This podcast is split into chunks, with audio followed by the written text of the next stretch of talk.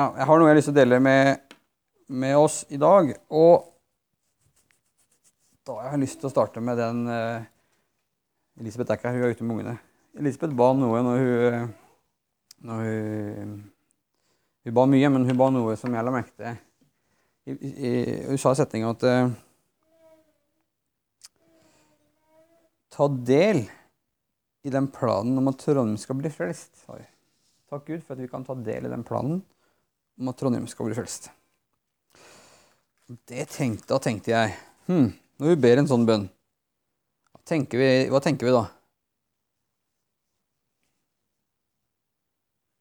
Når, når, Jesus, når vi leser Bibelen, starter vi Det var en gang for lenge, lenge siden. Nei, vi, vi gjør ikke det. Men det er kanskje en sånn følelse man får når noen folk ber ja, vi ber om at hele Trondheim skal bli frelst. Det er en stor bønn, da. Ta del i denne planen om at Trondheim skal bli frelst.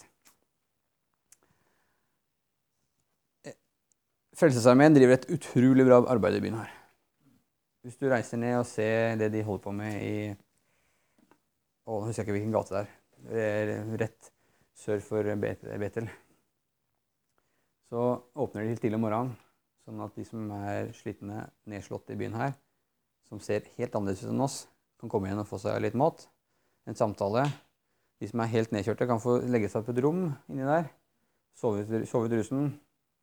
Få litt klær, få litt omsorg, få litt stell. Så kan de få gå ut igjen og sette seg et skudd, og så kan de komme tilbake og få litt mat til litt senere. De er i berøring med folk som vi egentlig ikke har lyst til å ta på med hansker engang. Mange av oss. De gjør et kjempearbeid. Så, vi, så, det er så viktig når de sier at de ønsker å, de føler at de står alene. Det er jo egentlig krise. De må aldri føle at de står alene, for de gjør kanskje noe av det viktigste arbeidet i byen. Det er kjempeviktig. Jeg tror de gjør det av en grunn, og det er fordi at de har lyst til å være med å forandre den byen her. Og da har de sett et eksempel i Jesus om at det er de som er ingenting verdt, de som er svake, og det er de som trenger mest, som også får mest. Og som Gud har sagt at han vil gjøre det, Han vil vise sin styrke gjennom det svake.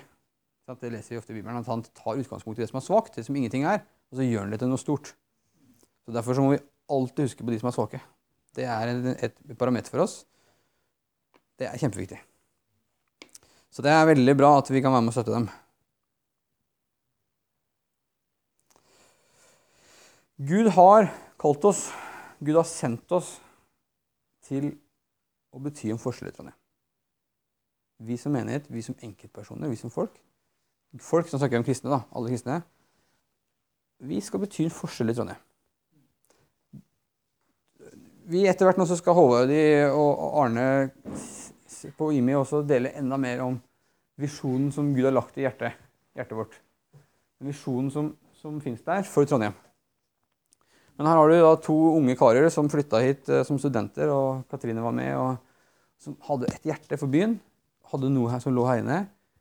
De var ganske få i begynnelsen, men det var noe, noe som var veldig, veldig, veldig en byrde for byen. da. Ikke sant? Og, og den eh, kjenner jeg at jeg, vi deler. Flere som deler den byrden at åh, vi må se noe, en forandring i Trondheim, eller i Midt-Norge, eller i Norge, eller i Europa, eller i verden for øvrig. Men, men, det som er at jeg tror at vi som enkeltpersoner kan bety en forskjell. Og Da må vi begynne å se oss sjøl i forhold til det som Elisabeth ber om at takk for at du, vi er mer enn planen om at Trondheim skal bli frelst. Du vet eh, Senest her for, for om dagen så var det noen som sa til meg så, ja, men dere, dere skal vel flytte til Oslo, skal dere ikke det?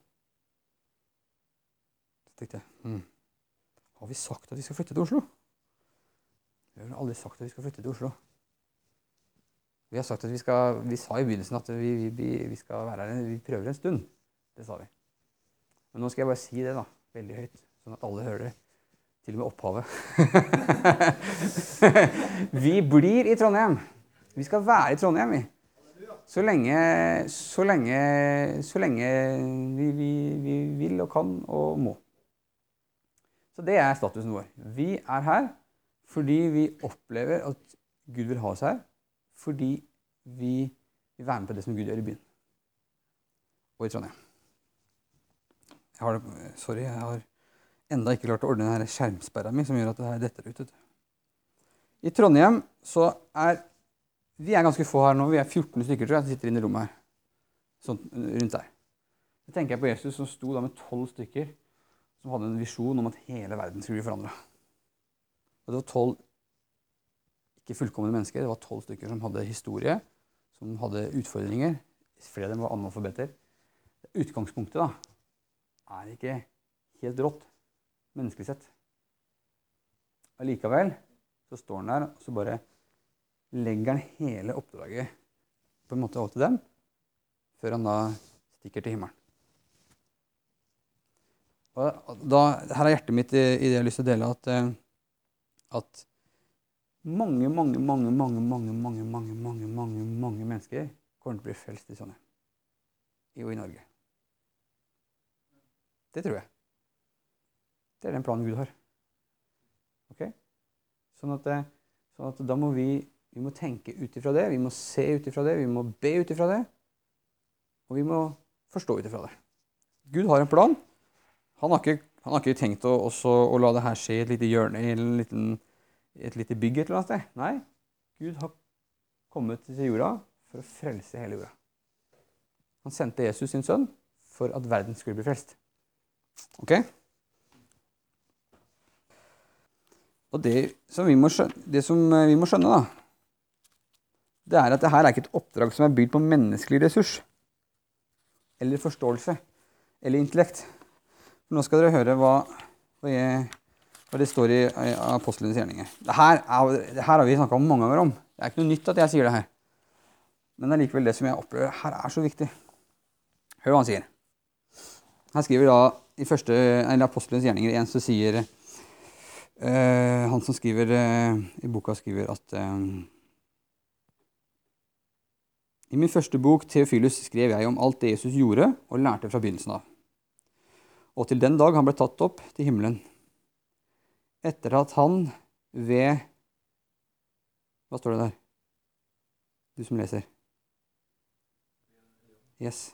Etter at han ved Den hellige ånd hadde gitt sine påbud til de apostler han hadde utvalgt. Han sto fram for dem etter sin lidelse og død og ga dem mange klare bevis for at han levde. Så står det videre at så sa han til dem, dere skal ikke forlate Jerusalem, men vente på det som Faderen har lovt, og som jeg har talt om. For Johannes døpte med vann, men dere skal om få dager døpes med Den hellige ånd. Og så sier han da i vers 9 der, nei 8, som vi har sikkert hørt 10 000 ganger, men dere skal få kraft når Den hellige ånd kommer over dere, og dere skal være mine vitner i Jerusalem og helt ut av verden. Men eh, han sier her at ved de gitt ved Den hellige ånd hadde gitt de påbud som, uh, som apostlene hadde fått. Sånn at det som Jesus gjør Det er veldig mange som kan være gode, veldig mange kan være gode påvirkere. Det fins mange gode vitner. Det fins mange gode som har en stemme i samfunnet vårt. Noe av det er gudgitt. Det tror jeg absolutt. Men det som vi skal drive med, som handler om at mennesker skal møte Jesus, og møte en person som skal forandre livet deres, som gjør at de blir snudd opp ned. Som gjør at de bare selger alt de eier og følger Jesus. Som gjør at de eh, tar radikale valg som er stikk i strid med, med, med andre, andre, rundt dem. Det er mynta på Den hellige ånd. Det er mynta på et oppdrag som er gitt av Den hellige ånd. Jesus sier at det her klarer dere ikke dere sjøl. Og Det er derfor at vi skal ha kraft av Den hellige ånd til å være vitner. Fordi det her er Den hellige ånds business. Det er ikke bygd på menneskekraft. Det er ikke bygd på vår egen intellekt eller vår egen, eh, at jeg er så dyktig eller flink eller noen ting. Kun Den hellige ånd. Det er så viktig å forstå. Det var nesten så jeg følte jeg satt i en sånn eh, forsamling på Misjonssalen. Det var så stille her. Da! Fra! Kaja var med, vet du. Ok? Nå skal vi høre hva, hva, hva Jesus sier i Johannes 17.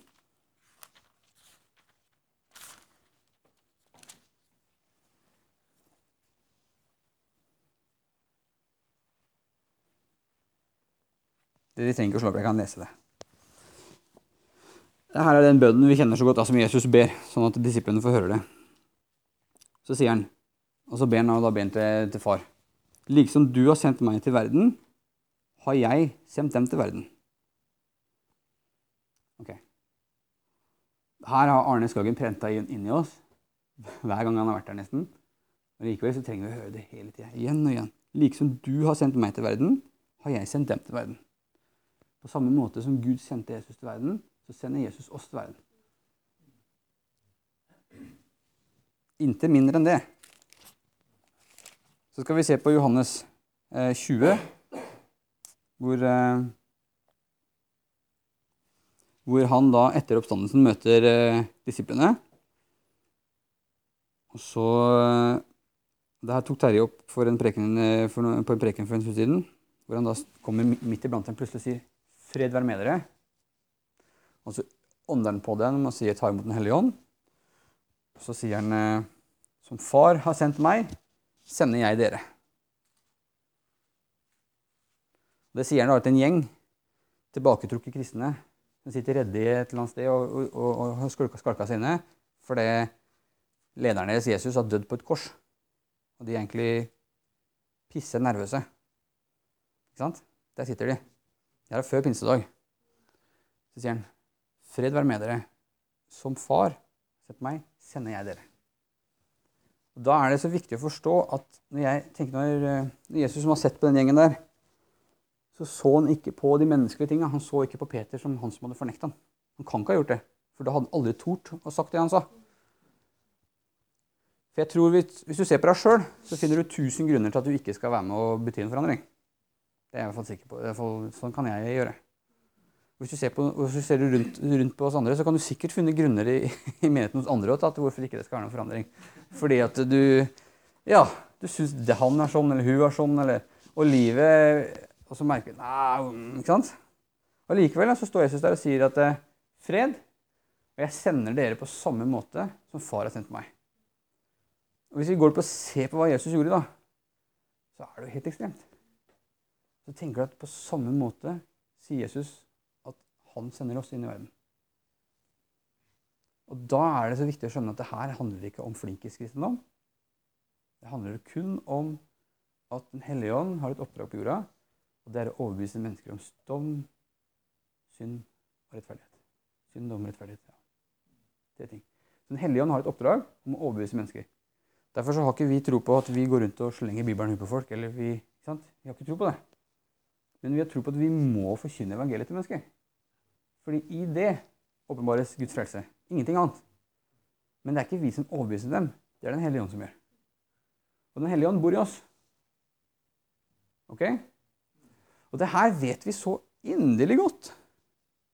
Jeg vet det kjempegodt. Allikevel så er det ikke sånn at jeg løper rundt. Eh, eller allikevel så er det sånn at det, det går, kan gå lang tid, veldig lang tid, mellom, mellom, når jeg leder en person til Jesus, enn faktisk blir frelst. Dette er en av utfordringene til norske menigheter. At det går så sakte høst, høstarbeidet. Det går så sakte, føler vi. Og det gjør det i forhold til andre steder i verden. Så her er det et skifte her oppe og i forståelsen av hvem vi er. Og i det her skiftet så må vi vite at det er kjærligheten som motiverer oss. Fordi kjærligheten tror alt, tåler alt, utholder alt. Kjærligheten er tålmodig, står det i Korinterne 13. Derfor så har jeg så tro på det her. For selv om vi føler i dag at ja, ja, her går det sakte, gitt. Vi er en liten gjeng i Trondheim. Vi er, vi, vi er en liten gjeng i Trondheim. Så er det likevel noe her inne som sier yes, vi skal se det skje, det som vi har sett i hjertet vårt. Det som vi har hørt Gud har sagt til oss. Det som vi har, har tror på, har hatt tro på eller tror på. Vi skal se det skje. Fordi kjærligheten i oss tror alt, tåler alt, utholder alt. Kjærligheten er tålmodig. Og det vi driver med nå, tålmodighetsarbeid. Vinne mennesker er tålmodighetsarbeid. Da går vi til Matteus 10, dere. Det her var et sånt lite inngang Hva heter det? Innledning, heter det. det her var innledningen. Ok? Og nå kommer hoveddelen. Er, ikke jeg flink? er det prekenlærer? Er det sånn det er? Er det ikke det, Arne? Du som kan det her? Punkt Ok. Punkt én. Yes, nå vi, vi, vi starter i 9.35, tror jeg vi starter. Matteus 9,35. Jesus vandret nå omkring i alle byene og landsbyene. Han lærte folk i synagogene deres og forkynte evangeliet om riket. Og han helbredet alle sykdommer og plager. Er det noen sykdommer da som ikke ble helbreda? Nei! Han helbreda alle sykdommer og plager. Ok, det er utgangspunktet. Og da han så folkemengden, syntes han inderlig synd på dem, for de var som forkomne og hjelpeløse, som sauer uten en hyrde. Og han sa til disiplene, høsten er stor, men arbeiderne er få. Be derfor høstens herre sende ut arbeidere for å høste inn grøden hans. Ok. Her er jobbeskrivelsen. Det er veldig mye arbeid å gjøre, og så er det litt for få arbeidere. Tenk om det, tenk om det hadde vært eh, situasjonen på arbeidsmarkedet i Trondheim. Da. Det hadde vært knallbra. Alle hadde fått jobb. Så står det han kalte til seg sine tolv og ga dem makt til å drive ut urene ånder, helbrede alle sykdommer og plager. Og så nevner han opp navnene på alle sammen. Disse tolv sendte Jesus ut og bød dem. Ta ikke av veien til hedningenes land, og dra ikke inn i samaritanenes byer. Gå i stedet til de bortkomne sauene Israels folk. Og der dere kommer, skal dere forkynne himmelriket er nært. Helbred syke, vekk opp døde, gjør spedalske rene, drive ut onde ånder. For intet har dere fått det, for intet skal dere gi dere. Ja. Så snakker han om når dere kommer inn i en by, når dere kommer i et hus, hils det med fred. Sant? Fred være med dere. Hvis freden hvis det er et fredelig hus, så bli der. Hvis ikke, kommer freden tilbake, og så går du videre. Dette har vi snakka mange ganger også om. Men det her er ufattelig viktig, folkens. Skal vi lese Lukas 10. Det er nesten det samme. Her står det Vi starter med vers 1. Jeg vet jeg snakker fort, så må dere si fra hvis dere ikke hører skjønner hva jeg sier. Siden utpekte Herren 70 andre og sendte dem ut foran seg, to og to til hver by og hvert sted han selv skulle besøke. Han sa til dem, høsten er stor, men arbeiderne er få. Be derfor høstens herre sende ut arbeidere for å høste inn grøden hans. Gå av sted, jeg sender dere som lam blant ulver. Ta ikke med dere pung, ikke veske, ikke sko. Stans ikke på veien for å hilse på folk. Men når dere kommer inn i et hus, skal dere si, fred være med dette hjem. Om han som bor der vil ta imot fred, skal freden dere kommer med, hvile over ham. Hvis ikke, skal det vende tilbake til dere selv. Bli boende der i huset, og spis og drikk det de byr dere. For en arbeider er verdt sin lønn. Flytt ikke fra hus til hus. Og når dere kommer inn i en by, og de tar imot dere, så spis det de setter framfor dere. Helbred de syke som er der, og si, Guds rike er kommet nær til dere. Og hvis de ikke tar imot dere, så skal dere stikke derfra, men de skal si at Guds rike har vært her. ok. Så punkt én høsten er stor, arbeiderne er få. Be derfor høstens herre om å drive ut arbeidere. Men noe jeg har tenkt på, som vi så i Matteus 10, og som jeg bare føler, opplever, tror er så viktig for oss som menighet, det er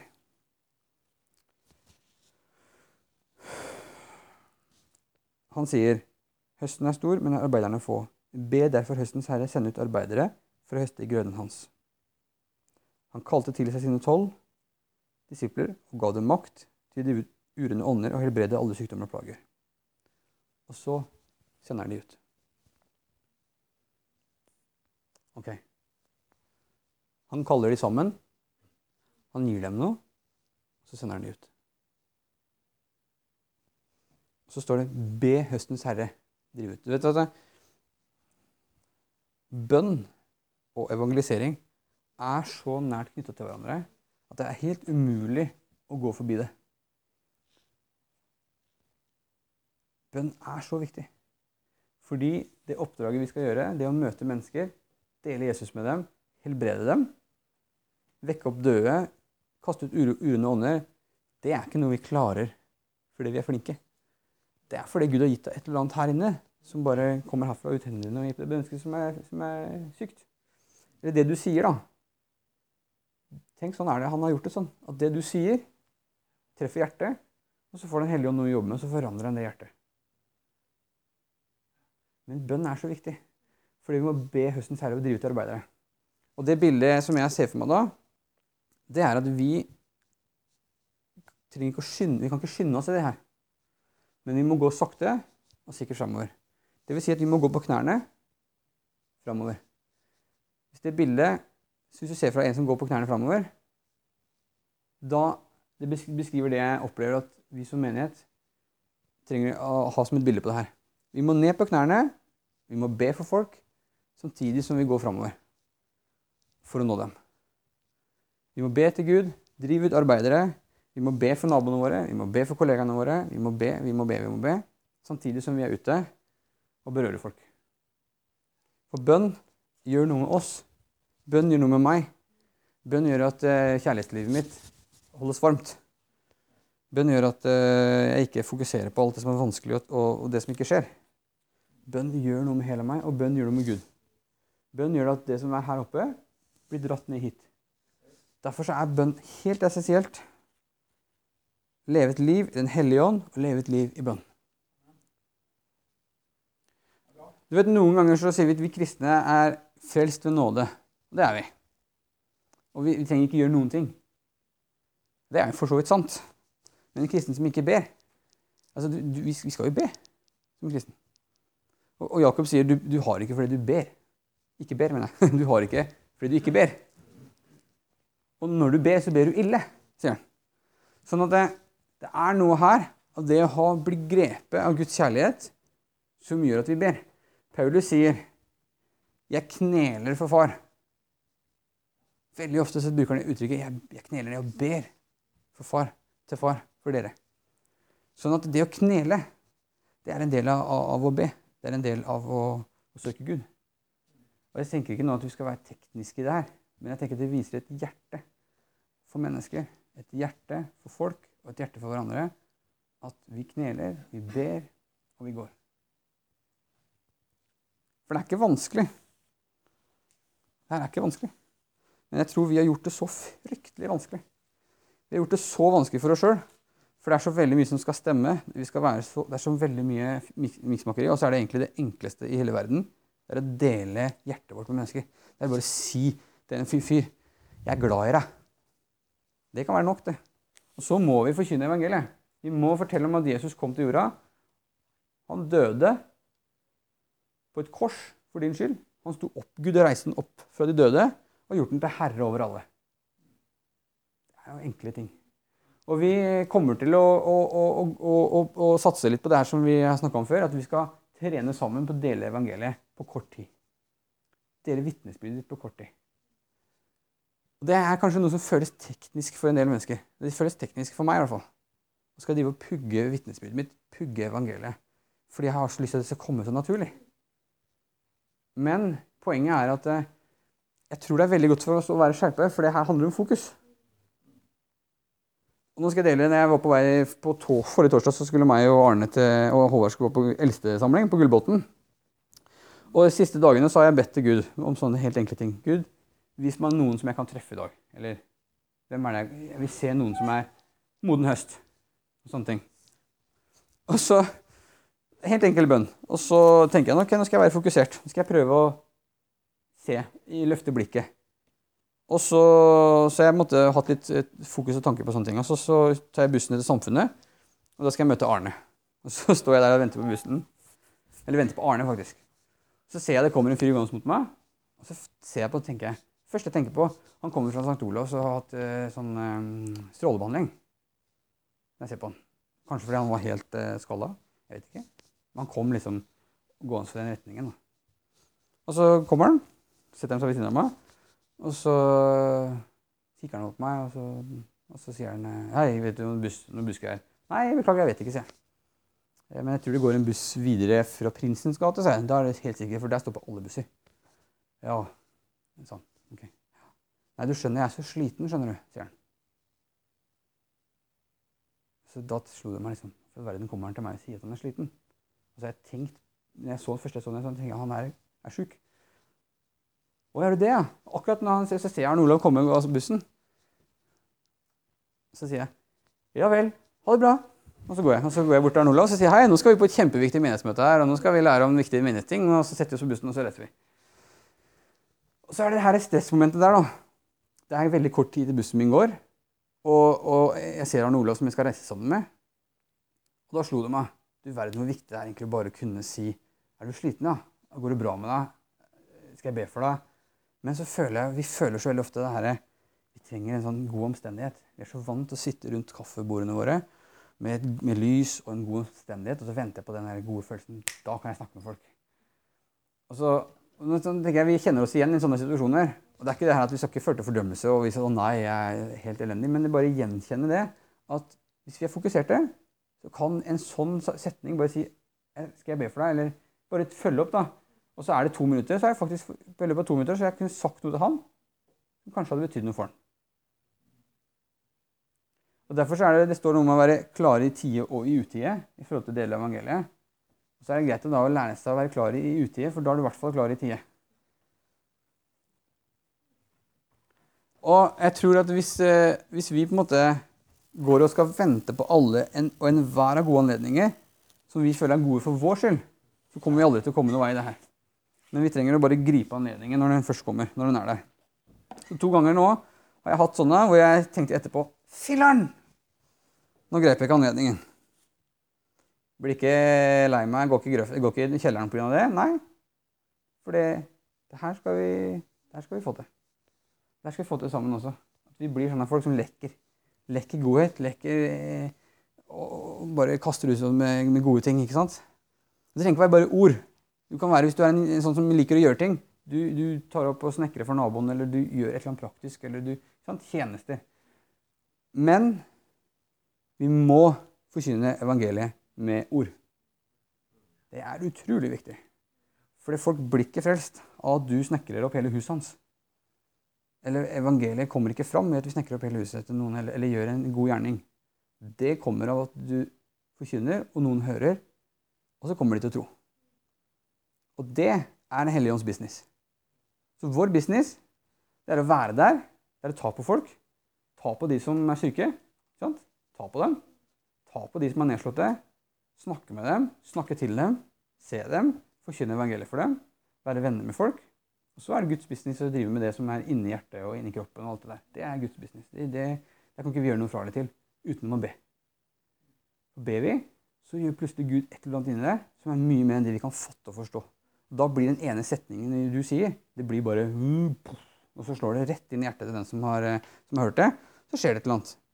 Som gjør at vi da, når vi er eh, om 20 år og har sett at eh, Trondheim er forandra, vi er vant til å se at folk blir helbreda, så kan vi lene oss tilbake så kan vi si det her handler ikke noen ting om meg. Det er Guds verk. Fordi han har kalt oss til å gjøre hans verk. Gud vil, ta, Gud vil ha æren helt til slutt. Han kommer ikke til å sitte tilbake og si at nå kan du slå deg på brystet, Arne Olav, for du har vært så flink. Du har ofra så mange timer av livet ditt for, for Guds rike. Nå skal du få slappe av og slå deg på brystet. Det er ikke Guds eh, mål. Gud vil til slutt si at Arne Olav, kan du sette deg ned og så kan du peke på meg og si at det var jeg som gjorde det. Jeg var ingenting. Ok? Så Derfor skal vi begynne å lære oss å leve sånn liv at ja, det handler ikke om meg, det handler om Gud. Høres jeg streng ut?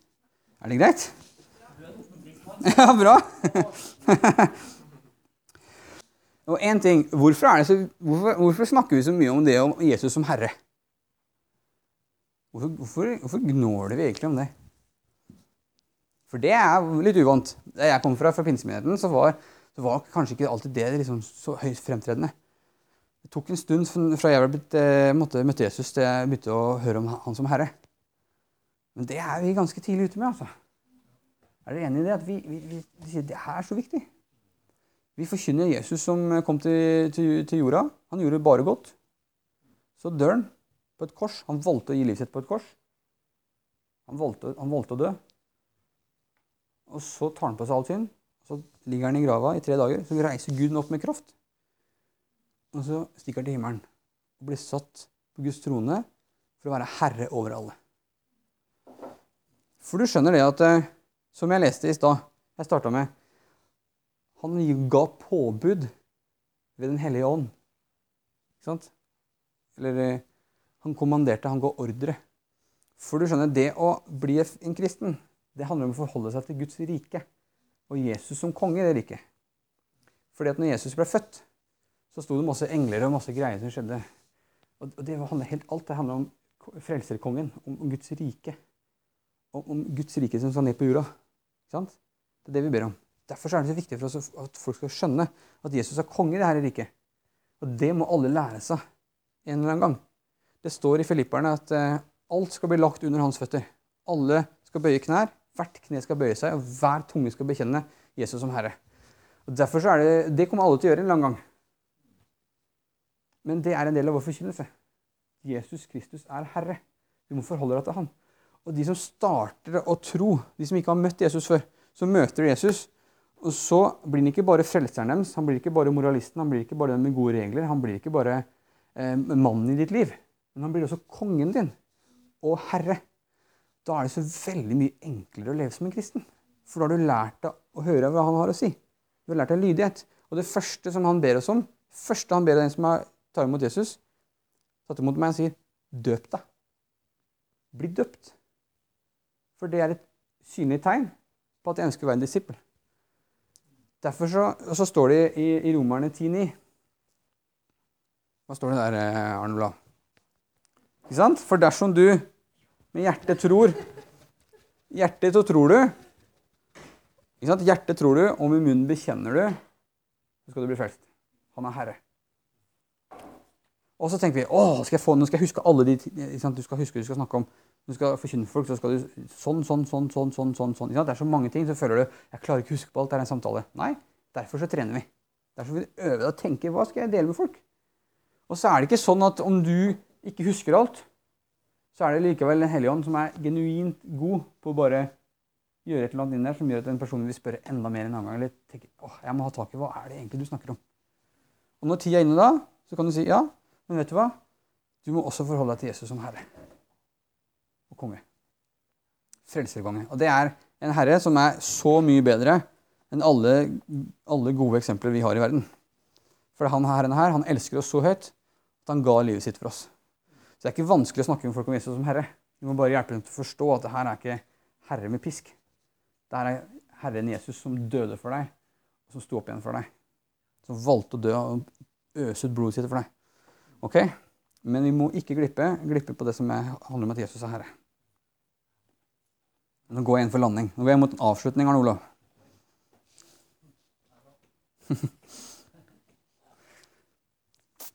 så i tida som kommer, så skal vi som hel flokk utfordre oss sjøl på å lære vitnesbyrdet vårt. Tenke gjennom hva er det som gjør at jeg er en kristen, og går på de her hundretalls av aktiviteter og møter og kristne ting. Og, jo, det er derfor jeg gjør det. Fordi jeg møter Jesus. Og for det, hva betyr Jesus i livet mitt? Jo, han betyr sånn og sånn og sånn. Har det klart til å dele det med folk. Og så husker jeg evangeliet. Jeg er klar å bare si det enkelt, sånn at folk forstår det. Og jeg er klar å bare avlære meg alle de kristne termene og ting som jeg har lagt på meg gjennom alle de her åra i de kristne møtene, som gjør at vi snakker, når vi sier ting, så er det ingen som skjønner hva vi sier utenom de som er kristne. Vi trenger å gå gjennom de tingene her. Snakke med hverandre, utfordre hverandre på det her. Kristian, hvordan, hvordan, ble du kristen? Hva er det du har å tilby, tilby meg? Ja, Kristian? Jo, så bare kommer Kristian så bare Interessant. Smakk, smakk, smakk. Ikke sant? Og det betyr at vi må holde fokus. Fokus, fokus, fokus, fokus. fokus. Og det er derfor jeg er her. For å hjelpe Arne Olav og Håvard å holde fokus på det her oppdraget. Ikke sant? For hvis de får lov til å bare holde på som de vil, så blir det litt for lite fokus på det her. Ikke sant? I det store Nei da. Gud er nådig. Men folkens, vi trenger å ha fokus. Fordi Gud har sagt gjennom profetier, gjennom forskjellige ord opp gjennom tida, helt fra den spede begynnelsen av denne lille gruppa som starta her, altså han skal bygge en menighet i Trondheim som er så stor, som er en apostolisk base, som er et sted hvor mange, mange, mange, mange, mange mennesker skal møte Jesus som skal være med å påvirke utover, som gjør at vi er ufattelig heldige som får være med på den planen der, og som gjør at vi må være fokuserte i det oppdraget han har gitt oss, i å gå ut, forkynne evangeliet til alle mennesker. Lær dem å holde alt jeg har befalt dere, og så skal vi døpe dem i Faderens Sønn og Den hellige navn. Og da trenger vi ikke å bli frustrerte over alt vi ikke har sett, sett skjedd. Men vi kan gå til Gud, vi kan be. Vi si OK, Gud, tro på ordet ditt, så må jeg bli som deg. Her om dagen så var Live febersjuk rett før jeg skulle reise på eldstesamling. Så vi lå på, i senga for kvelden, meg og Filippa og Live. En jente på hver arm, og så lå vi der, og så tenkte jeg ja, jeg må lære de, og, og vi, må, vi, må, vi må ikke bare bruke Paracet. vi må be for hverandre òg. Så vi sa nå må vi legge hendene på å be. Så vi la hånda på Live og, og ba. For Filippa først, så for Live. De var med. Og så for meg måtte jeg også bli bedt for. Og så la jeg oss sove. Så sov jeg med livet, og på natta så våkna vi en del og hadde feber. Så vi våkna om morgenen. Vi ba om at du skulle være frisk når vi våkna om morgenen. Så hadde hun ikke feber. Hun var helt frisk. Men vi valgte allikevel å ha henne borte fra barnehagen. Men hun var, hun var, feberfri. Og det var det vi ba om. Og så, og så, så utpå dagen så sa jeg til Filippa Ser du at livet er feberfri? Ja. Ja, men har det funka før, det der, da? Har det funka før? Og det blei litt sånn eh, Ja, så det der funket, har funka før, sa jeg. Ja, greit. Og det er en barnslig ting, det er en enkel ting. Men allikevel så, så er det viktig at vi vi må dele med barna våre akkurat de tingene her med å be for syke. Med å be, be, be så får, får, vi svar. ikke sant? Og, og det gjelder, de her enkle tingene gjelder for oss voksne òg. Vi må be sammen. Vi må be for folk. Vi må berøre folk, og vi må snakke til folk. Og da skal vi se veldig store ting skje i Trondheim. Det er jeg helt overbevist om. Jeg tenker at når Jesus snakker om Eh, det å være vitner, så snakker han til alle kristne. For du skal få kraft når Den hellige ånd kommer over dere til å være mine vitner. Så vitnesida, vitne, er alle kristne. Tror jeg. Men så er jeg helt enig med deg. Noen har en gave. Noen har en utrustning fra Gud til å, være, til å gjøre ting spesielt. Evangelister har en utrustning, som du sier, da, kanskje spesielt til å motivere andre til å dele, til å dele evangeliet. Til å være sånne som ikke bare vinner mennesker, men som gjør at når en evangelist taler, så vil flere tenke at 'yes, det her vil jeg være med på'. For eksempel. sånn at, eh, men det å være et vitne, det tror jeg er Alle kristne er ment å være vitner. Så kan man gjøre det på veldig forskjellige måter. Noen vil gå på gata. Sindre, Fredrik er kanskje sånne som har en spydspiss som er spissere enn oss andre. De kan tenke seg å gå på gata. De kan tenke seg å være der ute og, og ha de her treffpunktene. Andre vil tenke at ja, jeg, jeg, vil gjøre noe annet. Jeg, jeg, kan ha lyst til å gjøre sånn. Noen kan si ja, vet du hva, jeg er ikke sånn gatemann, men gi meg en talerstol, så skal jeg forkynne evangeliet så det ljomer etter. Hvis du bare noen hjelper meg å fylle de plassene her. ikke sant? Noen har lyst til jeg vet, jeg har lyst til å være barmhjertighet. Barmhjertighet er min greie. Jeg har lyst til å stelle noen sår. Ikke sant? Så sammen så kan vi For det er det vi har kalt å være sammen i det her. Ikke gå for hver for oss sjøl. Derfor så sier Jesus han setter to og to ut. Men alle er kalt til vitne. Okay? Og så skal vi heller hjelpe hverandre med å finne ut vet du hva, Her, han, han, er god på det, hun er god på det. Da gjør vi sånn. Når vi har en samling her nå, så kan de to få lov å slippe til. ja, Det er derfor Arne lykkes så bra mye av det han har gjort. For det andre har vært ute og, og bearbeida folk. Og så kommer Arne inn, og så bare pop, pop, pop, pop, Og så blir folk frelst. Arne Skagen. Ja. Men godt spørsmål. Veldig bra. Så, ja. Skal vi avslutte med en bønn? Du, nå har jeg virkelig brukt tida mi, for nå ser jeg Arne reise seg opp, så da er det på tide å Ja, nei, jeg vil bare si takk. Ja.